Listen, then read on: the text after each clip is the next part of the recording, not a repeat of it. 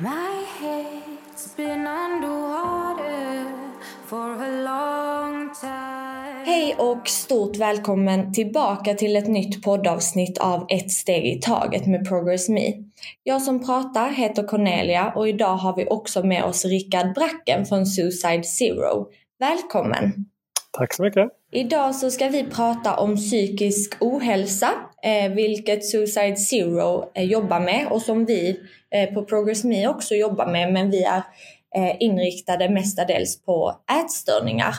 Eh, skulle du Rickard vilja berätta lite vem du är och eh, vem Suicide Zero är och vad ni gör? Mm. Ja, men Rickard eh, Bracken heter jag som sagt och eh, jag är generalsekreterare för eh, den ideella organisationen Suicide Zero. Och den startades 2013 av Alfred Skogs, eh, Skogsberg eh, bland annat. Så att vi är en rätt ung organisation. Och eh, vi arbetar eh, med eh, att eh, opinionsbilda och att, som namnet säger att eh, arbeta för ett samhälle som är, är fritt från självmord. Och eh, vi gör det mycket genom att påverka politiker på riksdagsnivå, i regioner och kommuner. Men också genom utbildningar och information ut till en, en bred allmänhet. Och, eh, det vi tycker att man behöver prata mer om frågor som handlar om självmord, prata om det på ett öppet sätt eh, och att vi driver på för att samhället ska satsa betydligt mer än vad man gör för att, att förebygga självmord i Sverige låter eh, jättebra och intressant. Eh, jag har länge faktiskt vetat vem ni är eh, och mm. Eh, har flera personer som, eh, eller flera personer, jag har några som har vänt sig till er och eh, visst har ni också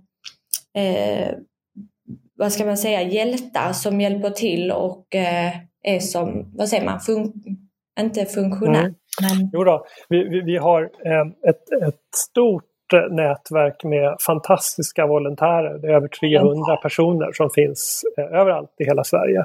Mm. Eh, och som bedriver egna aktiviteter, de eh, tar kon kontakt med kommuner, vi genomför ljusmanifestationer, man är med i lokala medier på olika sammanhang och så vidare. Mm. Och sen har vi också ett, ett, ett, en mindre grupp med vad vi kallar för ambassadörer som är är mer kända företrädare som sina kanaler lyfter eh, våra frågor och så vidare. Så att på det sättet så är vi många som tillsammans försöker få till eh, den här förändringen och eh, mm.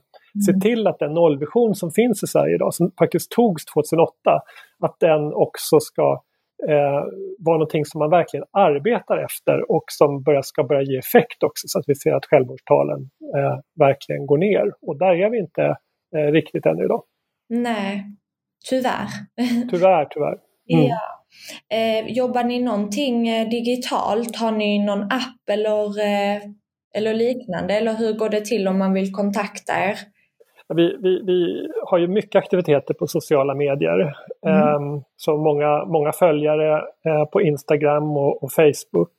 Mm. Och ehm, vi jobbar en hel del också med utbildning på olika och där håller vi just nu på och vi hoppas också få lite extra resurser för att ta fram digitala utbildningar som man kan sprida i större skala.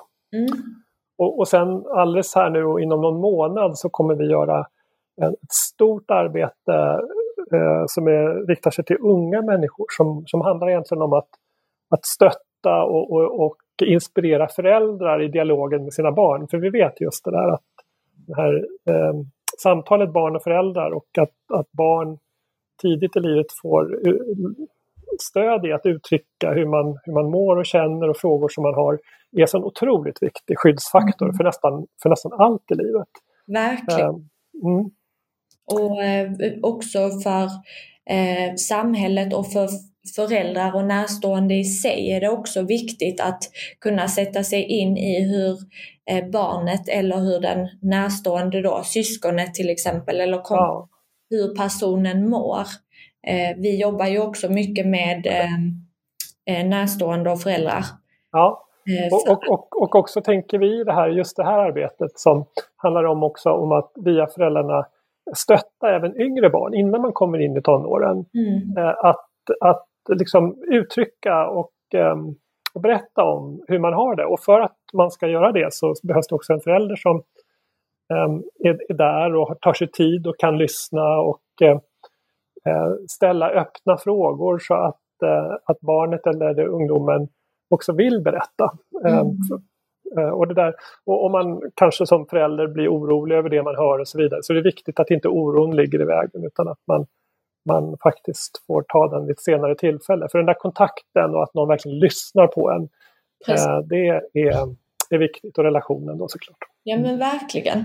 Sen tror jag att eh, man skulle behövt allt mer eh, utbildning eller lära kring detta redan när man gick i eh, grundskolan. Att mm. man skulle fått eh, ja, men en lektion i veckan som hade kunnat handla om just hur kroppen fungerar, hur eh, våra känslor fungerar, hur mm. vad psykisk ohälsa är. Mm. Varför ja, det... det är viktigt med, med att eh, kunna prata om sina känslor, var man ska vända sig om eh, man känner sig illa till mods liksom, eller liknande. Ja men absolut. Och, och, och, nu också så har det faktiskt kommit ganska mycket forskning som berättar om att det där är viktigt. Mm. Och, och, att eh, det finns goda skäl för skolan att faktiskt ha psykisk hälsa som en del, en integrerad del i undervisningen. Ja. Eh, och det är någonting som vi också verkligen ställer oss bakom. Och, det är en, en, en, handlar egentligen om att, att människor, unga människor också får mer stöd hur man ska möta livets upp och nedgångar eh, och så vidare. Och, och, och, kanske extra viktigt kan det vara för unga människor som redan idag befinner sig i en, i en utsatt situation att förstå mer om hur man reagerar i olika situationer och att försöka att inte värdera känslor så mycket heller. Att glad är inte bättre än att vara ledsen utan känslorna är där utav en anledning och eh, behöver också komma till uttryck och att när man lär sig kommunicera vad man känner Eh, så är det viktigt för att kunna må bra också. Ja men verkligen. Eh, sen finns det ju mycket som man idag som till exempel förälder eller eh, lärare eller skola inte ser som händer på men sociala medier till exempel. Mm. Och där tycker jag det är viktigt att där ska vi finnas. Eh, mm. Just där vi ser att vår målgrupp är och eh, blir triggade av mycket eh, ja, men ideal och liknande i jämförelse med andra eh, mm. vidare. Så jag tror mm. det just det här med det digitala eller sociala medier och liknande idag är eh, också en orosfaktor som bidrar till mycket negativt men att vi skulle behöva arbeta med den biten för att istället vända det till något positivt och finnas mm. där. Ja, jag, jag, jag, håller med om det och eh, på, eh, i sociala medier så finns det så väldigt mycket som är positivt och det mm. som kan vara svårt. Och det handlar ju som så väldigt mycket om att också hitta den här balansen för att det man kan säga egentligen och det, det också forskning visar på så där, det är att, att det det handlar om det är liksom att ens tid framför skärmen och i sociala medier inte går ut över annat. Så att när det börjar liksom gå ut över skolarbetet eller att man inte sover ordentligt eller att man inte träffar eh, vänner också fysiskt och umgås utan bara sitter framför skärmen. När det blir för mycket så, då är, inte, då är det dags att göra någonting. Mm. Eh, och det vi också vet och ser en hel del, det är att många föräldrar eh, oroliga eh, och pekar på sociala medier som, eh, som en faktor. Men samtidigt så eh, eh, har man ganska lite kunskap om vad, vad barnen gör. Och det är också en sån här sak som vi tycker är viktigt att, att, eh, att, att man som förälder faktiskt försöker samtala med sina barn om vad det är för typer av aktivitet de gör på nätet och hur det ser ut och liksom hitta den typen av in, inblick. Eh, så att man kan eh, känna att, att man är inne på rätt typ av forum och så. Ja men verkligen. been underwater for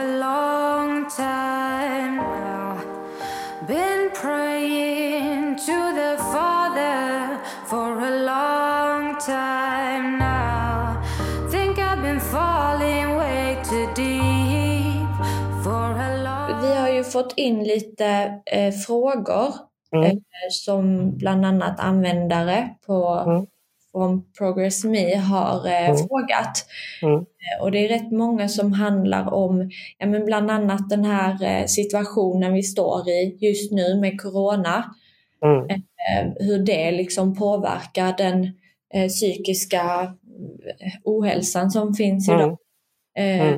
Eh. Och har du märkt något där? Ja, det är väl, mm, ja, men det är ju ingen som inte undgår att, att märka. Och det, det är ju man kan svara på olika sätt för att det är faktiskt som så att um, i en kris så finns det också saker som händer som gör att människor kommer samman och att man pratar mer om, om det som sker och det är någonting som drabbar alla människor. Så det kan också uh, bidra till en, ökad öppen, till en ökad öppenhet. Och jag, jag, tycker man också ska lyfta liksom alla de ganska fantastiska som sak, saker som sker i, i, i krisen idag, coronakrisen, där människor eh, tittar upp ifrån sig själva och vill hjälpa andra och det mm. uppstår olika sätt liksom, kring hur man kan försöka vara tillsammans trots att man inte kan träffas fysiskt. Och, mm.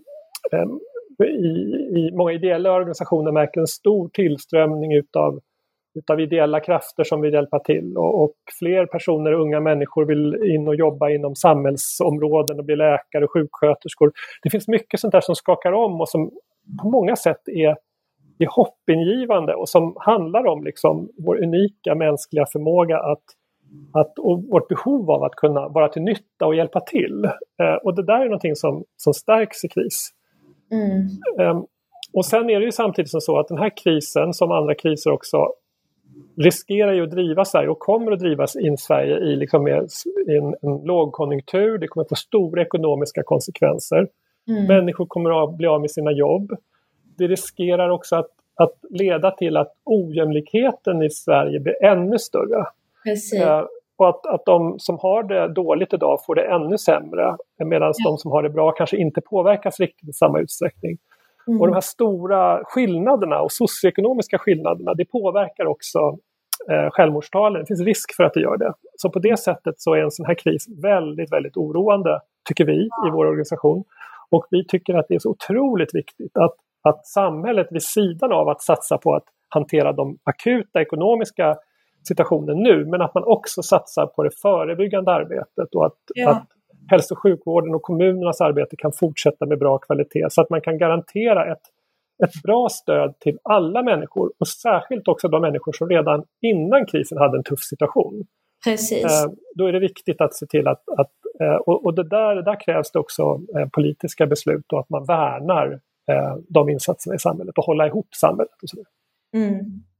Ja, eh, det är ju bland annat eh, en person som har skrivit hur ska man ta sig igenom dagen när man mår skit och bara mm. är hemma på grund av Corona? Mm. Just det. Ja, eh. men, ja, det alltså, um, för, för, det första så tror jag att man, att man um, i en sån här situation, alltså vi märker alla det, så fort man slår på radion så är det ju om Corona och om det är problem och så vidare. Och jag tycker man ska försöka skydda sig själv lite grann så att man begränsar hur mycket tillgång, hur mycket man lyssnar på sånt. För att man måste också få in lite andra intryck. Eh, alltså ta hjälp av litteraturen eller konsten eller saker man tycker om som man fyller på. Eh, och sådär. Mm. Och, och trots att man mår skit. Ibland så är det ju så fruktansvärt svårt att, att få energi att göra någonting. Men att faktiskt försöka pressa sig till att ha liksom, rutiner under dagen och eh, ta en promenad så man kommer utåt, försöka röra på kroppen och, eh, och hitta lite olika typer av aktiviteter. Och, eh, man pratar ibland om, om, om, social distansering i, i corona men egentligen så är det ju inte det utan man kan ju vara nära andra människor fast digitalt och Eh, eller via telefonen och, och, att försöka utnyttja det och, och att, att söka människor som man, som man litar på och tycker om och berätta lite grann vad man upplever. För mm. att genom att dela eh, det man upplever och det man är orolig för med någon annan som, som är, kan lyssna, eh, då det är ett, ett bra sätt att, att eh, faktiskt må bättre och det är också ett bra sätt att komma nära någon annan, vilket vi mår bra utav eh, i, i båda ändarna. Och, och, eh, man kan lyssna på den man ringer till och höra hur, hur hen har det. På det sättet så, så, så stöttar man varandra i en svår situation och det är, en, ja, det är viktigt. Mm. Ja, mm. Eh, nej men just nu, jag tänker väl också just nu i, under krisen liksom så är det ju som du sa innan, väldigt många som också plötsligt vill hjälpa till och mm. ställa mm. upp för andra. Mm. Och ja. Det finns hjälp att få. Eh, mm. Mår man extra dåligt nu när man bara känner att man ska hålla sig inomhus eller inte träffa någon annan. Mm. Försök att få kontakt med någon digitalt, till exempel mm. via eh, sociala medier eller mm. eh, man kan göra det som man tycker om att göra och försöka att ja, bara ta en dag som den kommer och försöka få in lite eh, rutiner fastän man inte kan göra allt likadant som man kunde innan. Ja, eh. och, och också att försöka hålla igång kroppen är så viktigt. Det här med rörelse, vi är gjorda för det, att, att röra på oss. Är man hemma så är det lätt att man sitter mer still än vad man annars brukar göra. Ja, jag vet ju eh, bland annat att eh, SVT eh, mm. har kommit ut med eh, yogapass. Mm. Eller de Just gör det. meditation. Ja. Mm. Eh, man ju kan kolla på gratis på till mm. exempel på SVT mm. Play. Mm. Eh. Ja, det, det, finns många sådana saker som, som, som har kommit upp och så vidare. Ja. Och, och sen, och sen finns det också i, i, idag i samhället så finns det många sådana ideella hjälptelefonlinjer som man kan vända sig till. Där sitter människor som jobbar ideellt som Precis. egentligen är där för att, att lyssna och ta del utav. Och det är också en, en resurs som man kan använda. Mm. Um, och det finns ganska många sådana olika linjer som, som man kan vända sig till. Ja, har ni någon eh, linje som man kan eller var hänvisar ni? Om... Alltså det finns, vi har valt faktiskt att inte starta än just med anledning utav att det finns eh, många. Men Mind bedriver en, en linje som heter Självmordslinjen. De har en mm. som heter Föräldrartelefonen och en som heter Äldretelefonen. Mm. Och sen har vi jourhavande medmänniska. Eh, BRIS eh, bedriver eh, linjer också för, för barn och unga. Eh, jourhavande präst eh, mm. och så vidare. Så det finns ett, ett antal olika eh, telefoner. Och, och, även när det gäller vård så finns det ett antal eh, digitala ett stort utbud av digitala tjänster med, med legitimerade psykologer och så vidare som är tillgängliga och där man eh, kan göra det här så att säga som en del i, i vår, vår offentliga finansiering. Och så. så att, eh, det finns att tillgå och jag tycker det är viktigt att man försöker också eh, ta del av det.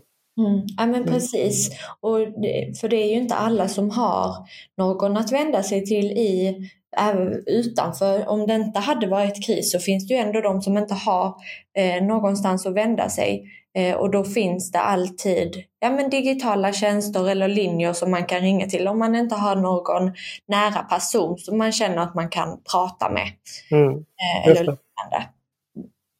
Det är en liknande fråga som också handlar om eh, corona då nu, mm. hur man ska hantera sin ångest nu i, eh, karan under karantän. Eh, och det är väl lite som vi har varit inne på. Eh, att mm. försöka di alltså, distrahera sig själv från att eh, få de här onda tankarna eh, mm. och göra något som man faktiskt tycker är kul eller som man mår bra av och försöka röra på sig. Ehm, och inte kanske analysera för mycket men ja, mm. ändå kanske förstå sig på sina egna känslor. Det är ju mm. okej okay att vara ledsen. Mm. Och att, att leta efter sådana må bra-saker som man själv som man själv eh, brukar tycka är roligt och att försöka liksom eh, komma igång med det. Jag, jag, jag, kan tänka mig att om, eller jag vet att om man skulle också fråga eh, många personer som lever med ångest och som kanske också lyssnar på det här programmet så, mm. så kommer det finnas väldigt många bra förslag, väldigt många bättre än vad jag egentligen skulle komma på därför att mm. människor hittar strategier och sätt att hantera eh, sin ångest på. Som, som, eh, och det är väldigt viktigt det där, eh, den här eh, kunskapen som man bygger upp och hur man kan göra, hur man kan leva eh, med ångest och, och, och, vad man konkret kan göra i situationer när det uppstår och så vidare. Precis. Mm. Nej, jag tänker, ehm, jag tänker också på det här, det, är också en till fråga att hur man nu ska göra under dessa perioderna när det är något som ställs in som man har sett fram emot så mm. mycket. Jag vet att väldigt mm. många som eh, ska ta studenten ja, eh, ställs ju in nu eh, mm. och blir jättebesvikna alltså besvikna mm. över att den inte ställs in. Jag pratade med en mm. person eh, igår eh, mm. som hade sett fram emot eh, sin student hela sin skolgång och i, i princip bara kämpat för att mm. Eh, personen en dag skulle få ta studenten. Mm. Och nu så ställs studenten in. Eh, ja, just det. Personen är liksom helt panikslagen och mm. är liksom nära på att ge upp.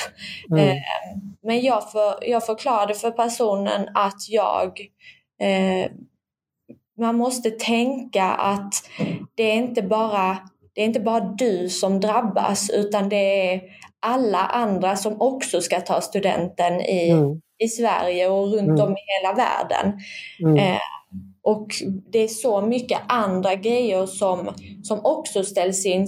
Till exempel alla personer som kanske skulle ha världens största och roligaste 30-årsfest kan inte mm. ha den för, för att det, det ställs in. För att vi står under en kris och man måste kanske tänka lite på, på det stora istället för att tänka på att jag får inte mm. ta studenten och springa ut. Men man mm. kan göra det kanske vid ett annat tillfälle eller göra det mm. bättre av situationen. Mm. Samla nära och kära, fira mm. med dem att man har klarat sin skolgång. Mm. Eh, Just det. Mm. Och göra ja. något mindre utav det, men ja. ändå lika bra. Mm. Ja, men det, det tror jag är, är, är, bra att tänka på det och just det finns ju någonting i det att, som är viktigt att, att det är inte bara jag utan det, det här är någonting som gäller för alla i hela samhället och vi drabbas alla. Eh, och, och sen återigen att inte heller tappa helt och hållet hoppet utan det finns eh, massa eh, spännande lösningar som uppstår när människor känner på hjälp, vad ska vi göra nu? Och så eh, ur det här liksom hopplösa så kan det också komma upp roliga initiativ som kan vara till jättestor hjälp. Och eh, också som du sa det här med att också tänka att, att det här är någonting som, som jag vill göra någonting av med de som har varit viktiga omkring mig lite senare när det går liksom, att träffas och kramas igen. Och, mm. eh, och, och, det. Och, ehm, eh, livet är långt och det finns mycket eh, tid framöver så att säga så att vi kan ta igen det. Mm.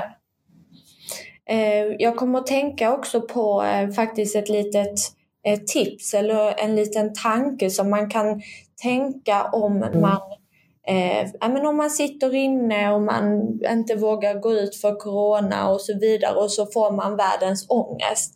Och det är mm. försöka att andas och ta in och känna efter hur man mår. Och mår man jätte, jättedåligt så måste man försöka tänka att det som jag känner nu kommer jag inte känna för alltid. Det är en känsla mm. som tar slut. Mm. Och det kommer i, i stunden när du känner ångest eller får en ja, men panikattack eller, mm. eller liknande. Mm. Så, så mår du väldigt, väldigt dåligt. Mm. Men den stunden kommer ta slut.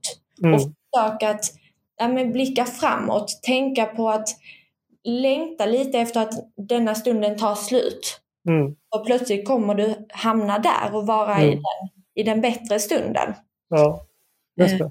Mm. Just det. Man, man har också i olika, det finns bland annat ett, ett program som heter ACT där man har börjat um, i, i terapi liksom jobba med att, att, att också acceptera det man just nu upplever. Um, ja. Där vår reaktion många gånger är liksom att försöka bekämpa det och hålla det jobbiga på avstånd. Mm. Men, men, här tränar man sig egentligen att att acceptera att nu är det precis på det här sättet som jag upplever det och man låter sig vara i den känslan. Och mm. accepterar att den finns där. Och motsägelsen är väl i det, i det att när man väl är där, då är det också lättare att kunna släppa taget och att känslan kan minska i kraft. Mm. Eh, och man kan få utrymme för någonting annat. Mm. Och, och, det motsatta, konstigt nog kan man tycka, när man kämpar och försöker hålla något på avstånd som är så jobbigt så, så växer det sig faktiskt så lätt starkare och tar mer ja. Mm. Ja men verkligen, för det är ju väldigt, ibland kan det vara väldigt lätt att man, man går och mår dåligt men man skjuter undan problemet. Mm. Och plötsligt så står man där och så har allt eh, samlats till en jätte, jättestor klump så allt blir liksom mycket större än vad det mm. hade varit om man hade tagit tag i hur man kände från första början. Det är lite mm. den här eh, snöbollseffekten mm. Just det. Mm. på det hela. Mm.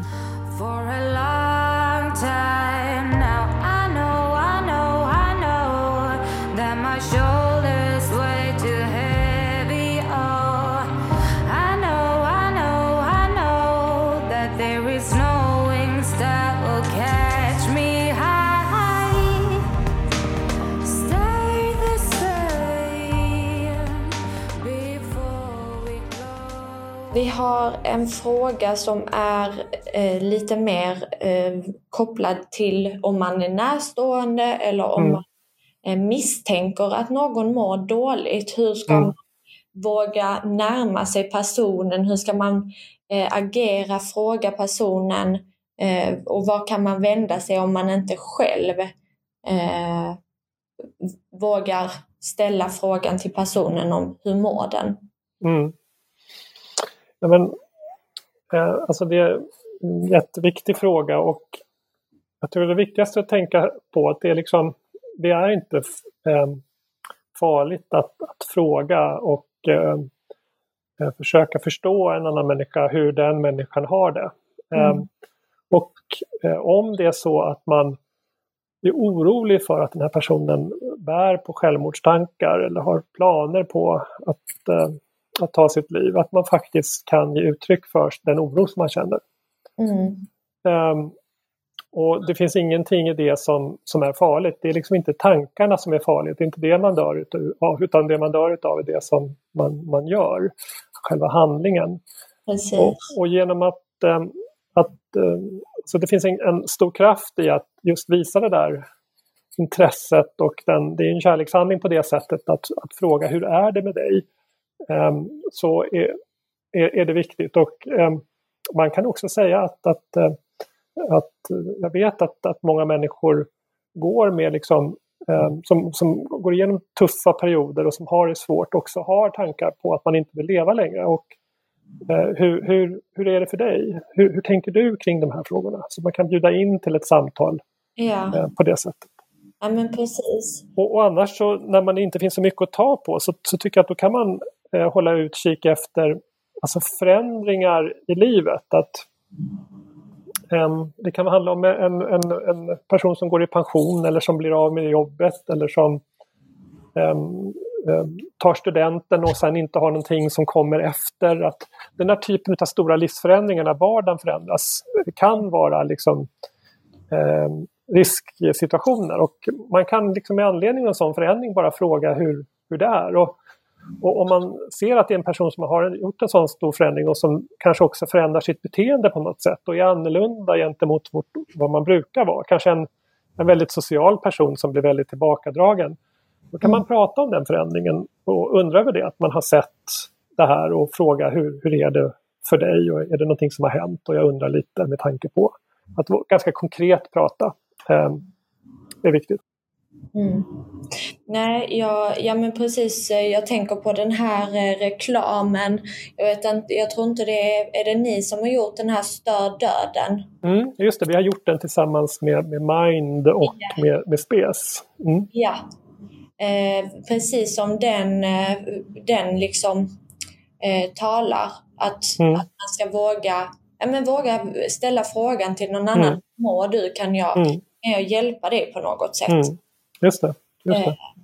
Eh, och det är även här någon som har ställt frågan, eh, kan man hjälpa andra fastän man själv inte mår bra? Mm, det kan man. Det kan man. Det kan man.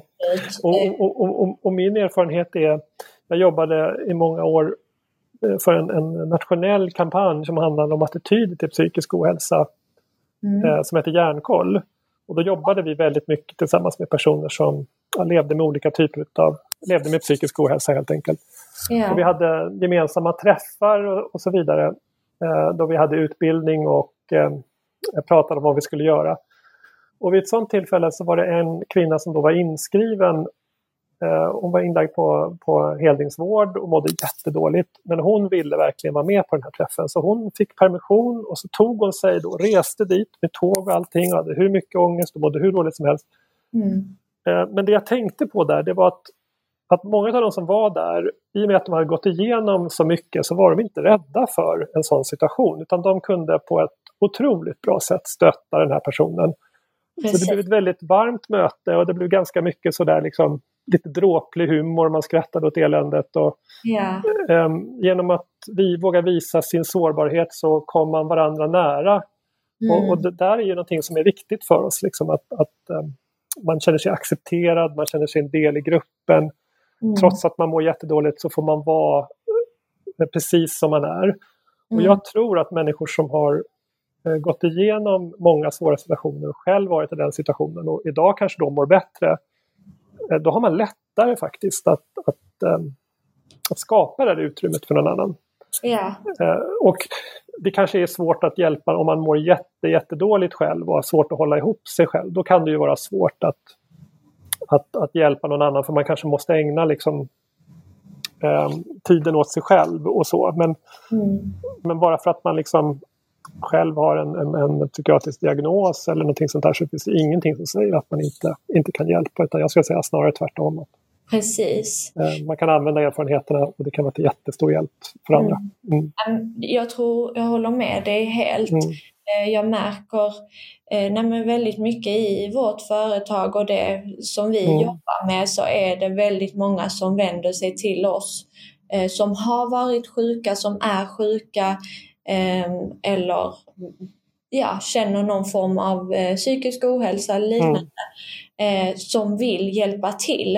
Eh, dela med sig av vad de har gått igenom för att kunna eh, visa andra att det går att bli frisk från en ätstörning. Och, eh, ett jättebra exempel är ju också min eh, storasyster som har grundat eh, Progress Me, mm. Petronella Gustavsson. Mm. Det som själv har gått igenom ätstörningar, vilket mm. jag också har.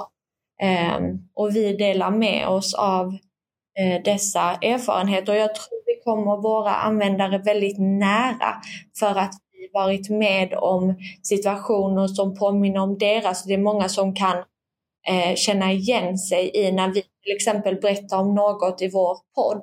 Uh, delar med oss av bilder på Instagram eller liknande. Mm så är det mm. många som kan känna igen sig att men gud, det är ju mm. precis så här jag mår just nu. Hur mm. du får ta dig ur den känslan. Mm. Och då kan vi med våra erfarenheter berätta hur vi gjorde. Mm. Eh, och så vidare. Ja, men, mm. ja, jag tror att det där är en jätteviktig, och jag tror att det där är verkligen en sån där djupt mänsklig egenskap som vi alla bär med oss. Att vi försöker göra mening av det, de erfarenheter vi har med oss. Och att det är ett jätteviktigt liksom ett, eh, det är viktigt för andra och det är viktigt för en själv också att, mm. att skapa någon slags eh, mening utav, utav allt det man har, har gått igenom. Mm. Och jag tror på något sätt också för vissa så handlar det om att, eh, att, att kunna hjälpa andra är på något sätt som en att man ska kunna förlåta sig själv för mm. vad man har gjort mot sig själv eller hur mm har behandlat sig själv mm, man om sämst. Eh, att kunna hjälpa mm. andra att eh, hålla huvudet högt och vara rak mm. i ryggen. Liksom. Just det. Och sen är väl det viktiga i det där om man vill göra det att man, att man mår så pass bra eller har den förmågan så att man kan um, släppa sig själv och liksom finnas för någon annan. Att vara beredd att lyssna på det den andra personen säger och och respektera det och, och, och så som är, är, ju en viktig grund. Då. Mm. mm. För det är ju, där, där handlar det ju också om att eh, om man fortfarande är sjuk eller känner sig eh, dålig eller liknande eh, så kan man ju bli, det kan ha en motsatt effekt, att man blir triggad till exempel. Mm. Eh, och att man själv mm. mår sämre av att mm. se hur någon annan mår och så tar man den skulden på sig själv till exempel eller liknande. Man ska nog ändå vara försiktig, självklart, men såklart man kan hjälpa, hjälpa andra och det kan på något sätt kanske också hjälpa mm. en själv. Mm. ja, men det, det, jag håller med om det, att man ska vara försiktig och man ska vara noggrann också med sina egna gränser och sådär och vad man vill dela och inte vill dela. Och, mm. eh, det kan vara saker som man kanske har känt att man har bearbetat bra som, och annat som är lite för färskt som man faktiskt behöver liksom vårda och hålla för sig själv mm. och sådär som ett, för att ta hand om sig själv. Mm. mm. Och det är ju det där slitna uttrycket liksom när man är på, sjuk, på, på, på flyget där man ska liksom sätta syrgas på sig själv först för att kunna hjälpa någon annan. Att ja. Det är väl så generellt hela tiden. Man måste, ja. man måste också se till sina egna behov och mm. vad jag behöver för att kunna, eh, kunna må bra. Och, och, när man gör det då, då kan man också hjälpa. Mm. Ja men precis, verkligen mm. så. Mm. Eh, nu frågar jag dig en lite personlig fråga. Du måste inte dela med dig om du inte känner för det. Har du, men har du någon eh, personlig koppling till eh, psykisk ohälsa? Eh, ja, jo, det, det, det har jag. Ehm, och i, i, mitt fall så var det att jag växte upp med min mamma som var sjuk ehm, och som var inlagd eh, i perioden när jag var liten. Mm. Och jag förstod egentligen, jag tänkte inte så mycket på det och mitt första jobb så började jag jobba som projektledare för psykiatrireformens genomförande mm. Eh, i en kommun. Och jag tyckte att arbetet var så meningsfullt och jag var så engagerad. Eh, och jag vet att jag under den tiden också fick andra jobberbjudanden som jag tackade nej till. Mm. Ehm, och, men det tog för mig ganska lång tid innan jag förstod varför jag jobbade med de frågorna jag gjorde. Och, eh, och då det är på något sätt att man ser meningen med sitt liv och, och riktlinjen när man tittar bakåt. Mm. Då kan man se, just det, självklart. Så att de erfarenheterna har, har följt mig. Och sen så tror jag att nästan vem du än frågar, ja. om man har erfarenhet, så när man tittar och, och, och, gräver lite så har man ju den erfarenheten genom Precis. E egen, egen ohälsa eller genom vänner eller familj och sådär. Så det är väldigt ja, vanligt. Mm. Mm. Och det är, ty, tyvärr är det ju eh, vanligare eh, än, vad man, ja, än vad man tror eller än vad vissa tror. Mm. Eh, alla har inte så mycket kunskap kring det, eh, vet hur man ska hantera det. Mm. Och vi har väl inte lagt tillräckliga resurser och så vidare på det. Jag tycker mm. det är bra. Men bland annat ett av de vad heter det, globala målen mm. fram till 2030 är ju mm. att vi ska jobba med den psykiska eh, ohälsan och eh, någons mm. Eh, sjukdom som inte är eh, fysisk. Om man ska mm. eh, ja, och det tycker jag verkligen behövs. Mm. Jag, har, jag har själv gått igenom psykisk ohälsa mm. och har en, en väldigt nära koppling, eller ja, en väldigt stor aura kring, kring mig har, eller så, har mm. levt eller gått igenom psykisk ohälsa. Mm. Um, och jag har en, faktiskt en gammal eh, klasskompis till mig som mm. eh, valde att ja, avsluta livet eh, mm. för en månad sedan och det är ja, ja. jättetufft. Och eh, jag tänker på hans familj och mm. hans närmsta liksom. Mm. Eh, jag vet om att han inte liksom har mått bra på ja. jättelänge. Vi gick mm. tillsammans hela grundskolan. Mm. Eh, och han, han var en jättesnäll kille och vi mm. Eh, var jätte, jättenära varandra. Mm. Ehm, men han har inte mått bra. Hans ångest har tagit över. Mm. Och det kom kom en dag som han inte orkade mer. Nej. Eh, och det är så synd. Eh, mm.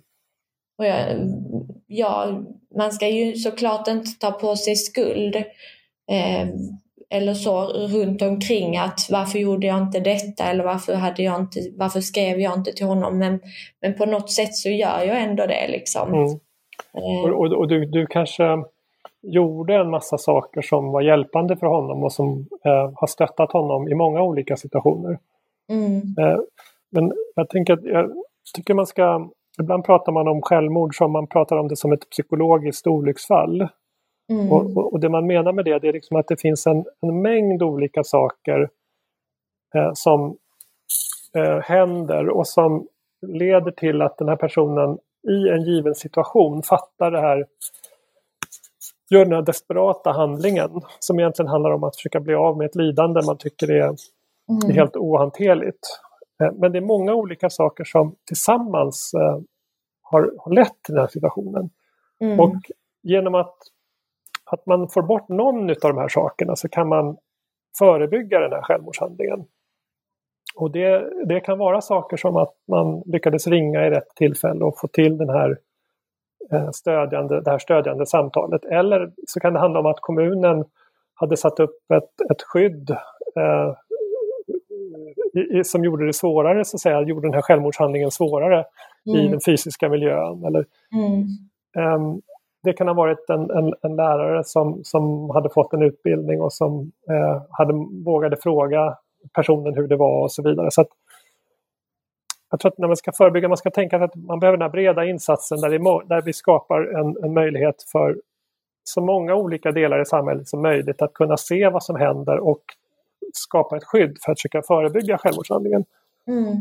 Och, och, det man också ska tänka på tycker jag när det gäller självmord är att för en person som har begått en självmordshandling så är prognosen go god. De allra, allra flesta överlever mm. eh, och gör det inte igen. Um, så att om man lyckas att förebygga så har man också verkligen gjort någonting som är så oerhört viktigt och eh, att man verkligen kan rädda liv eh, på det sättet. Mm. Och att man vi, vi, tycker också att det är fel att se det här som ett beslut som man tar som person därför att ofta är man i en sån pressad situation att man faktiskt inte kan fatta ett övervägt rationellt beslut utan det är många gånger en desperat handling. Ja. Och att det många gånger handlar om att att det alltid ska jag säga, handlar om att undvika ett lidande som är så stort så att man upplever att det inte går. Ja. Eh, och även det där kan man faktiskt prata om. Och, och eh, eh, jag har lyssnat en hel del på, jag ska rekommendera faktiskt Ulla-Karin Nyberg som är psykiater och hon har ett TED-talk som är jättefint. Okay. Eh, Ulla-Karin i ett ord sammanskrivet, Nyberg. Men, men det hon pekar på det är liksom att eh, hon får ofta frågan så här, hur, hur hon orkar jobba med den typen av frågor som hon gör, hur hon mm. står ut med det. Mm. Men hon säger att det är, hon tycker inte att det är problemet därför att hennes arbete handlar om väldigt mycket om att fråga om det som gör livet värt att leva.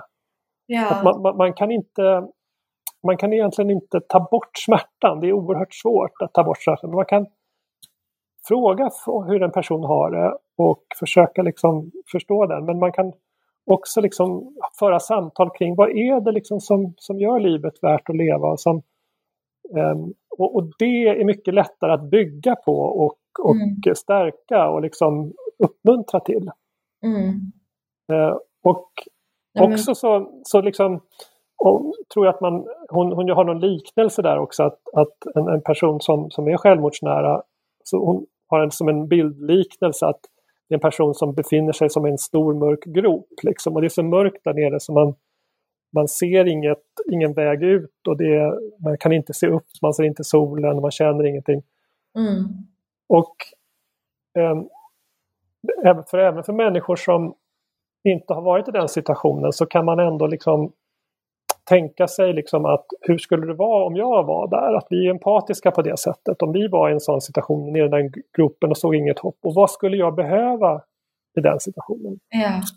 Och, och, då tror jag att det, det viktiga man kan göra där det är liksom att, att äh, ta sig ner där och, och äh, försöka förstå hur den här personen har det. Att finnas där och uppriktigt mm. lyssna och, och liksom kunna äh, ta del av det.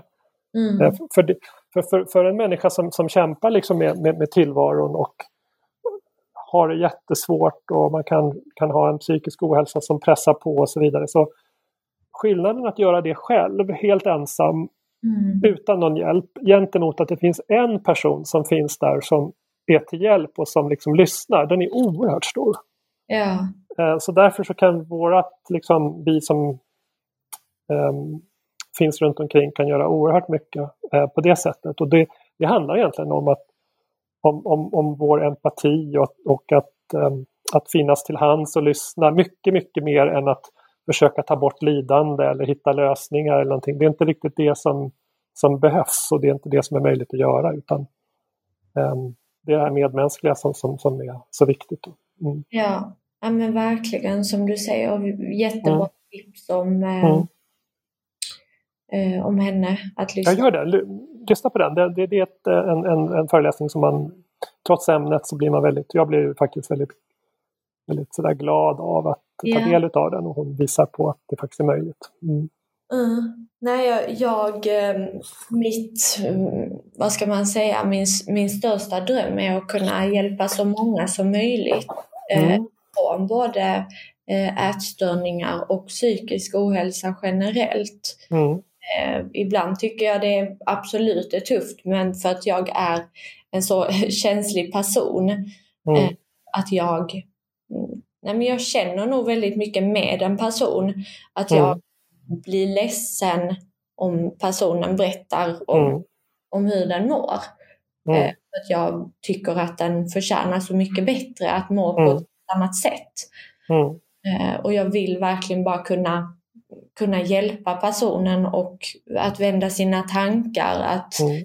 eh, att kunna ta sig upp ur den här då mm. svarta, mörka eh, gropen eh, och, och hitta en annan väg. Mm. Ehm, just det. Och, och jag, jag, tror att det är just den saken som är det viktiga, just den här viljan att vilja vara till hjälp. Mm. Eh, och att man är autentisk i den och att man också, det märks helt enkelt och att, att det är det som är det viktiga eh, snarare än exakt vad man säger eller hur det går till utan det är det där som är liksom hjälpande många gånger.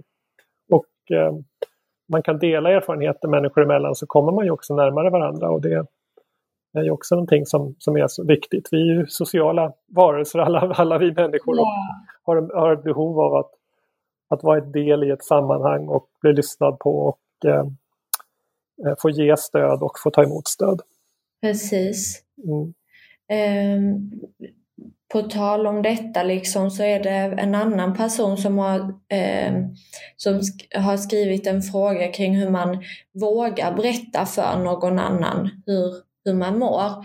Eh, för att man är livrädd för att, att belasta någon annan. Vilket jag tror väldigt många känner. Att mm. de riktigt vågar berätta för någon att jag mår verkligen jätte, jättedåligt. Mm. Eh, för att de är rädda för hur, hur den andra personen ska ta det eller vad de ska få för eh, respons. Eh, mm. Och liknande. Mm. Alltså jag tror, det beror på vem den andra personen är, men det är mycket möjligt att den andra personen också vet om och har förstått att, äh, att äh, den andra mår dåligt. Men mm. kanske inte själv vågar fråga. Ja. Så um, och samtidigt så kan det ju vara ett, ibland värt att fundera kring vem är det jag vill berätta för hur jag mår. Alltså att man mm. lägger det i händerna på någon som man känner att eh, man litar på och som kan ta hand om det. För det är kanske ett förtroende som, det är ett förtroende många gånger man lämnar över. Verkligen. Och, och, sen om man känner det så tycker jag inte att man ska då vara rädd utan då, då får man faktiskt våga um, och försöka pusha sig själv lite till mm. att, att berätta om det. För det är en av de viktigaste sakerna man kan göra när man mår dåligt. Det är faktiskt att, att dela det man mår och berätta om hur man upplever det. Och att få göra det eh, med någon som, som kan finnas där och lyssna. Eh. Och, eh, och till lyssnaren så skulle jag säga att, att det man ska göra är verkligen att lyssna. Mm. Och att ta in det och att försöka inte börja hitta lösningar och, och liksom dra liknelser gentemot dig själv utan att bara finnas där och dela den stunden med, med någon annan. Mm. Ja, eh, vi, har vi har pratat lite om i eh, tidigare avsnitt just om det här att våga berätta eller våga komma ut med något. Precis mm. som eh, personer som har en annan sexuell läggning. Mm. Mm vågar komma ut med att de mm. gillar samma kön till exempel. Mm. Eh, mm. Så ska man våga komma ut med att man eh, har en ätstörning till exempel. Eh, eller att man lider av väldigt grov ångest eller liknande. Eh, och det har vi pratat om i ett avsnitt. Eh, och mm. jag hade som tips där att det är inte alltid man vågar säga det muntligt. Eh, för det var väldigt, väldigt eh, ja, men jobbigt. Mm. Eh, och mitt tips har varit där att man istället skriver ner det eh, mm. och säger till ja, personen som man vill berätta mm. det för att jag, eh, jag har skrivit ner en, en grej här till dig som jag gärna hade velat att du, att du läste och vi behöver inte, eh, eller jag är redo att prata om det när du har läst eh, mm. och kommer till mig till exempel. Mm. Eh, för jag själv har varit med om eh, just den situationen att Nej, men jag led av eh, ätstörningar och gick igenom en väldigt grov bulimi. Mm. Eh, och jag ville få ett stopp på det. Eh, mm. Men jag visste verkligen inte hur och jag vågade inte berätta för någon för att jag skämdes något ofantligt mm. mycket. Mm. Eh, över vad, vad jag gjorde helt enkelt och hur mm. jag gjorde. Och jag började gå hos en psykolog och jag var hos henne eh, nio träffar utav tio. Mm. Eh, och jag gick dit nionde gången och då bestämde jag mig för att denna, denna gången ska jag berätta om varför jag egentligen är här. Mm. Jag hade liksom gått och mm. drygat ut på träffarna genom att berätta om, om problem som jag egentligen bara målade upp, som egentligen inte var det mm huvudsakliga problemet och var mm. min ätstörning. Mm. Eh, men jag vågade inte berätta för henne så jag skrev ner det. Mm. Eh. Och gav henne lappen. Tyvärr, mm. så, tyvärr så fick jag inte så bra respons och hon var inte en jättebra lyssnare utan eh, så jag har en väldigt dålig erfarenhet av just mm. den situationen när jag satt med en psykolog och berättade. Eh, men när jag skrev mm. det Sen gjorde jag samma sak för att jag kände ju att hon hade inte lyssnat och hon, mm. uh, hon ville liksom inte ta det vidare när jag precis hade delat med mig av min liksom, livs största hemlighet till mm. henne. Um, och uh, jag valde då att skriva ner det och ge det till min mamma istället. Mm. Um, och det var jätte, det var ett väldigt skönt och behagligt sätt att göra det på för att mm förstod mig ju verkligen mm. väldigt, väldigt stöttande. Eh, ja. Mitt mm. problem var ju bland annat att jag hatade att vara ensam hemma. Mm. Eh, för att då fick jag liksom fritt fram. Mm. Eh, så hon, nej, men hon förstod mig och vi började arbeta på det tillsammans och jag jobbade på, på mig själv väldigt mycket och det mm. blev liksom lättare och jag blev till slut helt frisk. Ja. Och det är mm. tack vare att jag, att jag berättade och inte mm. och, och, ville bli frisk liksom. Mm. Just det. Ja, men det är såklart en, en oerhört viktig sak att, att komma till, att kunna berätta om vad man, vad man står och, och, och, och ja, vad, vad, man lever med för, för typ av problem. Och sen mm. tänker jag samtidigt, det kan ju finnas situationer då, då man väljer att inte berätta därför att man att man, man eh, gör bedömningen att det kanske kan vara också till skada för mig. Mm. Så Det är också ett, ett, beslut som jag tycker att man ska tänka på. Jag tycker det är viktigt att berätta för, för människor som finns som man litar på. Och det är ett jättebra tillfälle att berätta när man har en vårdkontakt eller med familjen eller till vänner man litar på. Mm. Men jag vet ju också till exempel när man går ut och berättar om det på, arbets, arbets, på arbetsplatsen och sådär, att det finns det kan vara mycket bra för att, och det är väldigt viktigt att kunna göra det för då kan man få rätt typ av stöd och så vidare för att arbetet ska funka. Yeah. Men det finns också risker som har att göra med att helt plötsligt börjar människor se på en på ett annat sätt. För det finns en, ett stigma kring, kring många psykiska sjukdomar och människor blir rädda och det uppstår beteenden. Så att, mm. ja, det ska vara en medveten, genomtänkt handling och, och ähm, ähm, så att man, att man känner att man har landat i att det här vill jag göra därför att. Mm. Mm. Men generellt sett skulle jag säga att, att när man berättar så är, möts man utav, eh, utav öppenhet och mycket förståelse. Det, och det brukar ofta vara skönt själv att, att få göra det. Mm. Eh, ja, som i, som i mitt fall då, jag mm. har upplevt båda delarna.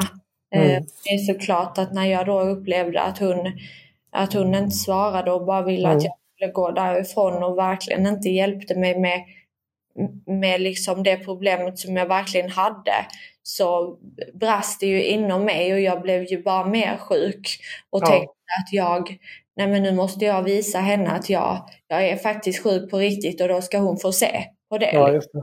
Just det. Um, men jag tror att mm. jag också insåg rätt så, rätt så fort att jag ville inte, jag ville på ett sätt inte lägga min, eh, min sjukdom i, i hennes händer utan faktiskt, mm. jag ville ju bli frisk. Ja. Eh, så det var bara att mm. försöka börja om på, mm. eh, på nya steg liksom. Mm. Just det. Ja, men det... Mm. Mm. Och det är ju såklart inte alla som, som orkar eller och tänker så. Ja. Eh, det är också viktigt men, att Jag eh, jobbade en, en, tid med ett, ett projekt som handlade om, om återhämtning och mm. det man framförallt eh, tittade på det var liksom människors berättelser om sin e-, egen återhämtning efter psykisk ohälsa. Mm. Eh, och det som var väldigt intressant i de här berättelserna det var att det människor lyfte fram det var i första hand inte, inte vården, terapierna, medicinerna även om det också kunde ses som verkligen hjälpande och viktigt. Men mm. det man lyfte fram det var egentligen vad man själv gjorde många gånger. Alltså att man, som du varit inne på, det här att man bestämde sig för att eller att man eh, sin egen kraft att försöka vända den här utvecklingen eller andra människor som varit betydelsefulla, relationer. Eh, det kan också ha varit relationen till ett husdjur eller Precis. att man hade en stark tro på någonting och det som alltid också kommer i, i tillbaka det är hopp. Att man får ett hopp eh, kring att förändring är möjlig och, mm. och sådär. Och, och, och, där tror jag att, att de som jobbar i vården och, och man har kontakt med kommunerna har väldigt mycket att lära där. Att liksom kunna hjälpa till och liksom visa att det finns ett hopp och en väg vidare. Och där är också den typen av berättelser som du och många andra för fram och poddar och berättelser på nätet är starkt hjälpande. Att man kan liksom se att andra människor har varit där jag är nu och tagit sig vidare och Precis. lever på ett bra sätt idag och eh, det är möjligt för mig också. Mm. Um, att det, det är viktigt. Menar, och därför är det, de öppna samtalet är viktigt. Och sådär. Mm. Mm, att det väl blir eh, på något sätt eh, någon slags eh, gemenskap och att man mm. känner mindre ensamhet. Mm. Att man är faktiskt inte ensam om att, om att mm. känna som Nej. man gör. Och det ja. är mm. inget fel på, eh, på hur man känner. Just det. det är, För alla är vi olika.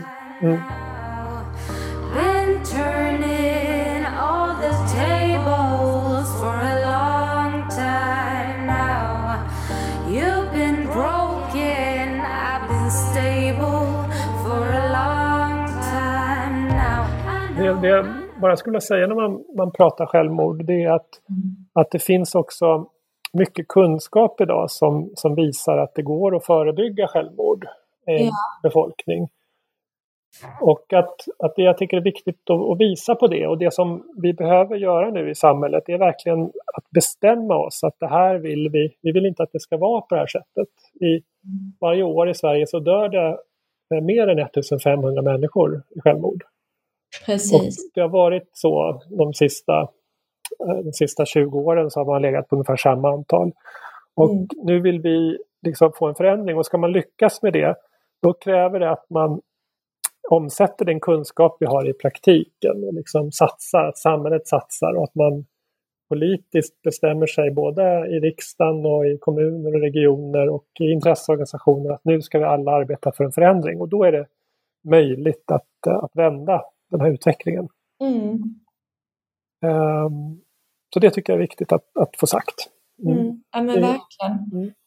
Den, eh, arbetar ni något med, eh, jag tänker den 10, det är 10 oktober så är det ju den här internationella psykisk ohälsa-dagen.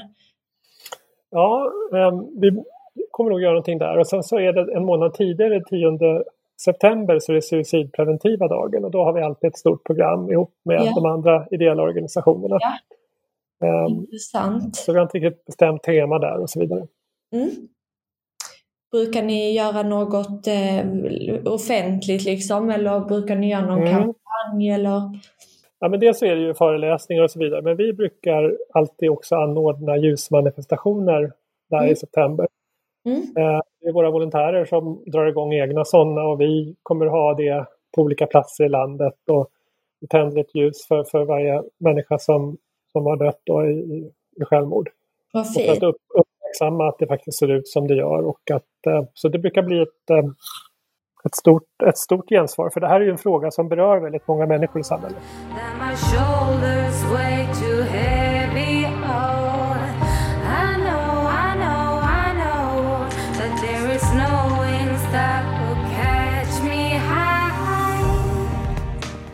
Det var väl allt för idag. Mm.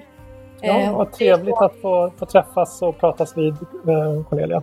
Ja, men verkligen. Tack så jättemycket för att du kom hit och var med.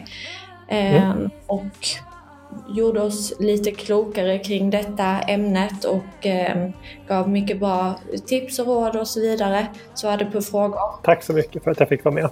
Såklart.